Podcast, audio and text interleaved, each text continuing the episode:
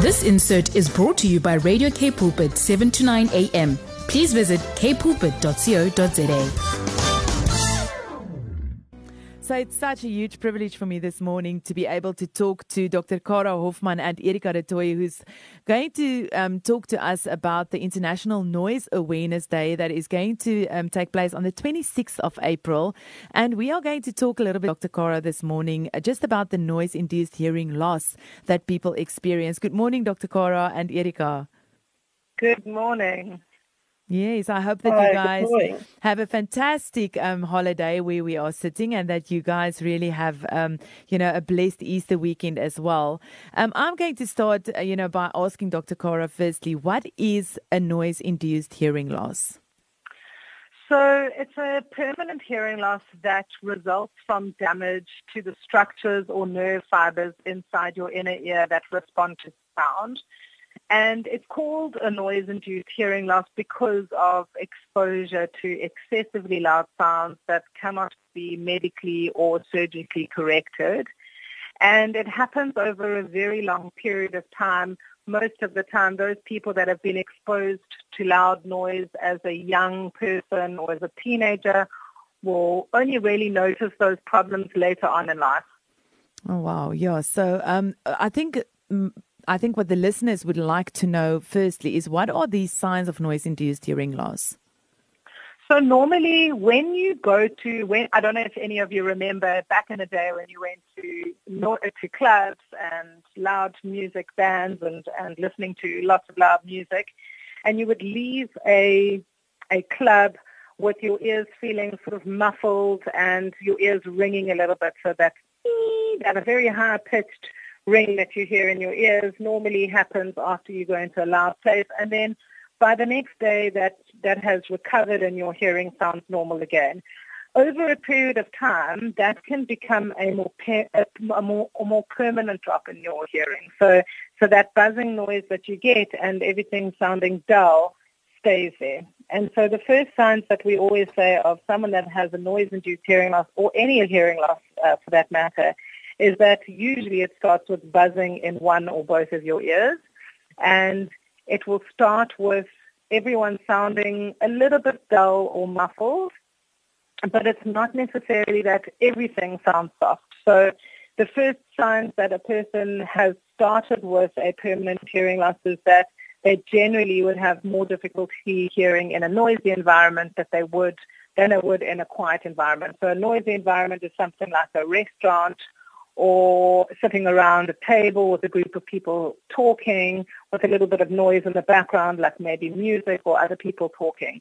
So if you do notice that you are struggling to hear in that type of environment, it's normally the first signs that there is a permanent hearing loss. Mm, I think, um, Dr. Kara, if, if I listen to what you are talking about, um, you know, with the noise-induced hearing loss, I think so many people have it because they they feel like you know they don't actually know that they have it. Um, mm-hmm. You know, so what what is available for people to protect themselves against against NIHL? Okay, so also factories and, and industries didn't always recommend or need, need to have your hearing tested. It's only become legislation in the last couple of years. So if you were someone that experienced noise sort of 20 or 30 years ago, you would have known that at your workplace they didn't give you noise protection. But now we know a little bit more than we did. And so most employees or people that are exposed to noise in a factory type of environment or in a work environment they are they have to wear noise protection and it has to be supplied by the employer. So there are different forms of noise protection. You can get those little sponges that go in and, and you just squeeze them and they mold into your ear. We mm recommend that if you are using those that you replace them regularly because they can be exposed to wax or infection and then you don't want to reinfect your ears. And then you get more custom-made noise protection where you would go and see an audiologist, have your an impression taken of your ear and then a, a custom-made noise protection device would be made for, for the contours and the shapes of your ear canal.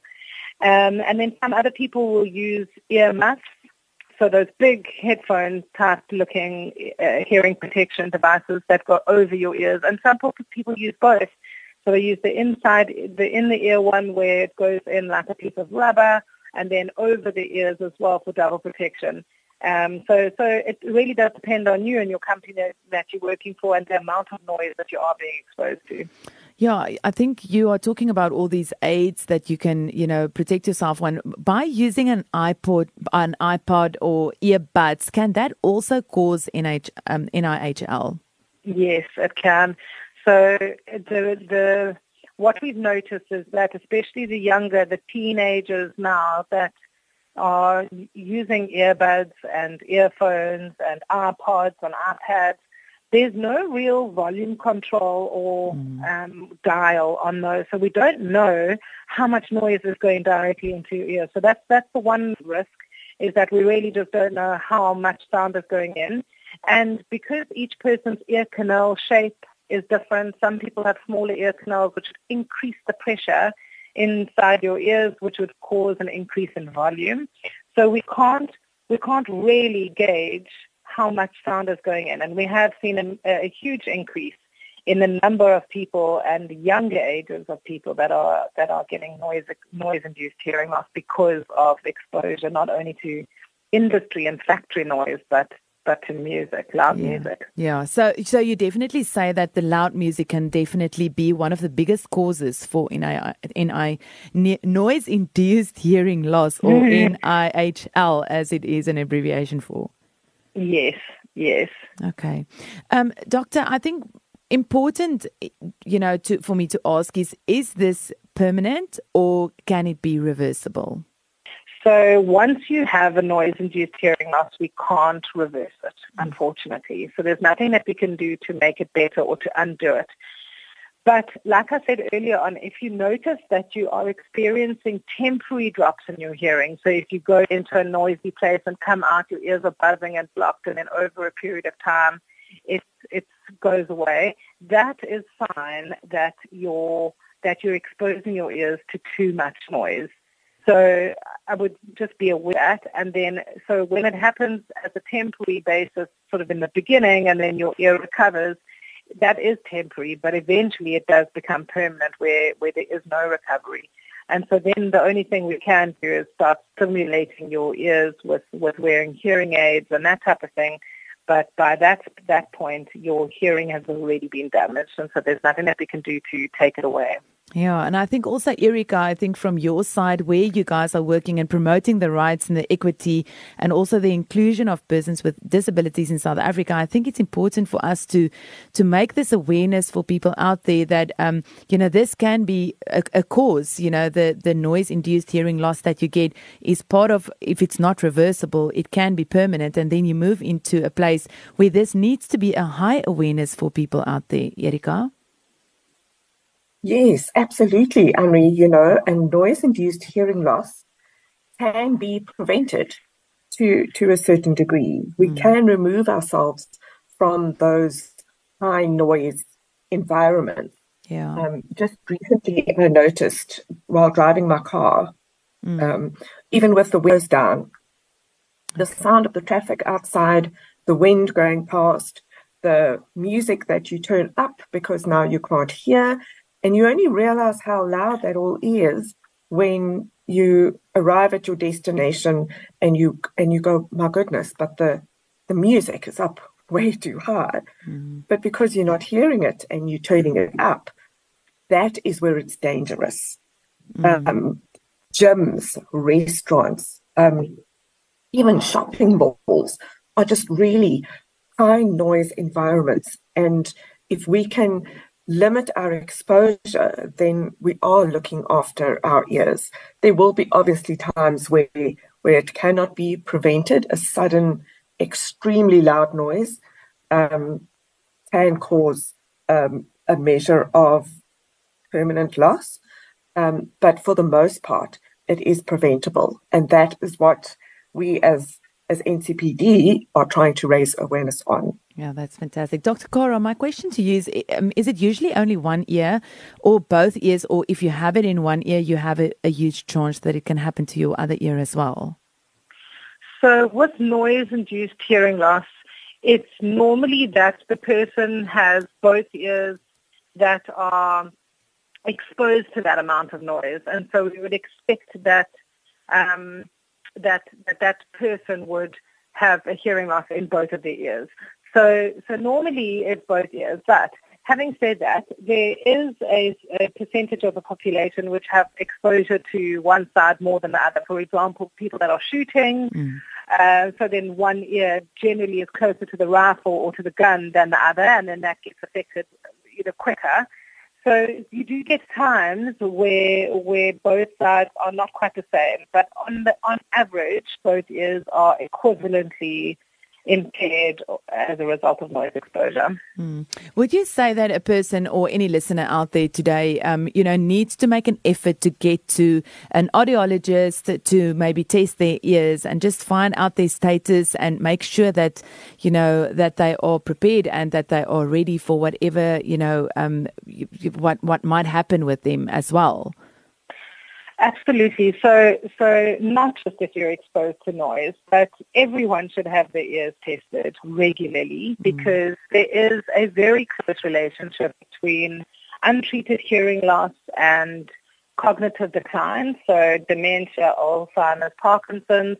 Um, we know that that all affects our ability to socialize, ability to to communicate with others. And so if there's a, a hearing loss that has gone untreated, it makes it much worse. Mm. Not only that, is that it's really important to keep seeing an independent audiologist. So an independent audiologist is someone that is not contracted into a shop or into a brand or is perversely incentivized to sell a particular item or product. It is an audiologist who is able to fit any product on the market, no matter what the problem is. We're able to look for a device that is best suited for that particular individual, as opposed to seeing someone who can only fit one product and then they have to fit that product. Mm. And so they're incentivized to fit that product. So that's really important to know. And and also, as we get older, there's 90% of the population are going to lose their hearing as we get older. So even if you haven't been exposed to loud noise, it is very likely that you're going to experience a hearing loss at some point or other in your life. So rather be proactive, and that's what I find that this generation of people is very much more proactive than than reactive. People mm. are we think, much younger generation of people coming in. Maybe it's it's the demands of this current lifestyle that we're living in and, and not so much hearing loss, but people are aware of their ears, they're wanting to work longer, they're wanting to be more productive, they're wanting to be able to function. So, so definitely, if you if you have two ears, then you should be testing them at least once a year. And wow. from from from the time that we're in our twenties or thirties, our hearing starts to deteriorate very slowly. So it's very very good and proactive to keep testing. And then there's also a relationship between various uh, pathologies and hearing loss. So, for example, strong correlation between hearing loss and diabetes, high blood pressure, cholesterol history of cardiovascular insult. So any of those things that, that if you have a history of, it would be really important to, to test your hearing as well and yeah. regularly. Yeah, thank you, Dr. Cora, because, you know, everyone goes for their dental checkups once a year, for their doctor checkups once a year, but they miss their ears and how important exactly. that is because that's the one thing that, that you really need to, as you say, be able to, to be socialized, to, to be able to also have emotions with that. And I think that's a topic for a whole other day. But, you know, you, how your emotions and your well-being are connected to, to, your, to what you are hearing around you as well. Dr. Cora, um, where are you situated and how can people get in contact with you? So I'm in Durban. I have two practices. I have one in Ballito and one in Essenwood Road in Durban. Anyone that would like to see me and, and you're in the area, you're welcome to have a look online. My, my website is www.t for Tommy, H for Harry, or T for Thompson, H for Hoffman, thaudiology.co.za. Otherwise, if you're not in the area, you can also look for an independent audiologist. So I form part of the Audiology Private Practice Forum, which is a non-profit company that represents independent audiologists around South Africa. So if you're not necessarily in Durban and you do want to have your hearing checked, Um, we have vetted and we can personally vouch for each and every one of the members that's on APPS.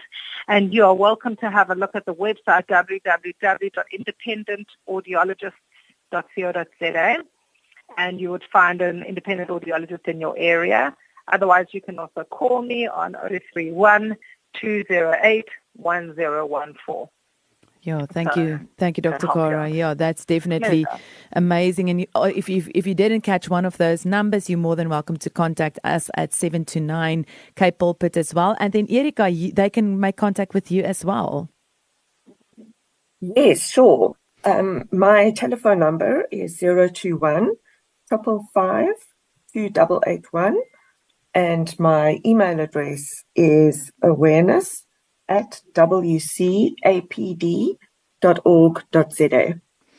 Ladies, I want to thank you so much for your time today and for really just creating this awareness for people to go and test their ears and to make sure that we do all celebrate the International Noise Awareness Day that's happening on the 26th of April this month.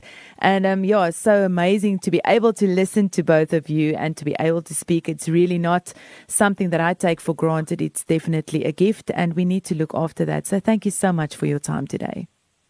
Thanks for having me. Thanks. Thanks. Have a good day. Bye bye. Thanks so much. Bye bye. Bye. This insert was brought to you by Radio K Pulpit 7 to 9 a.m. Please visit kpulpit.co.za.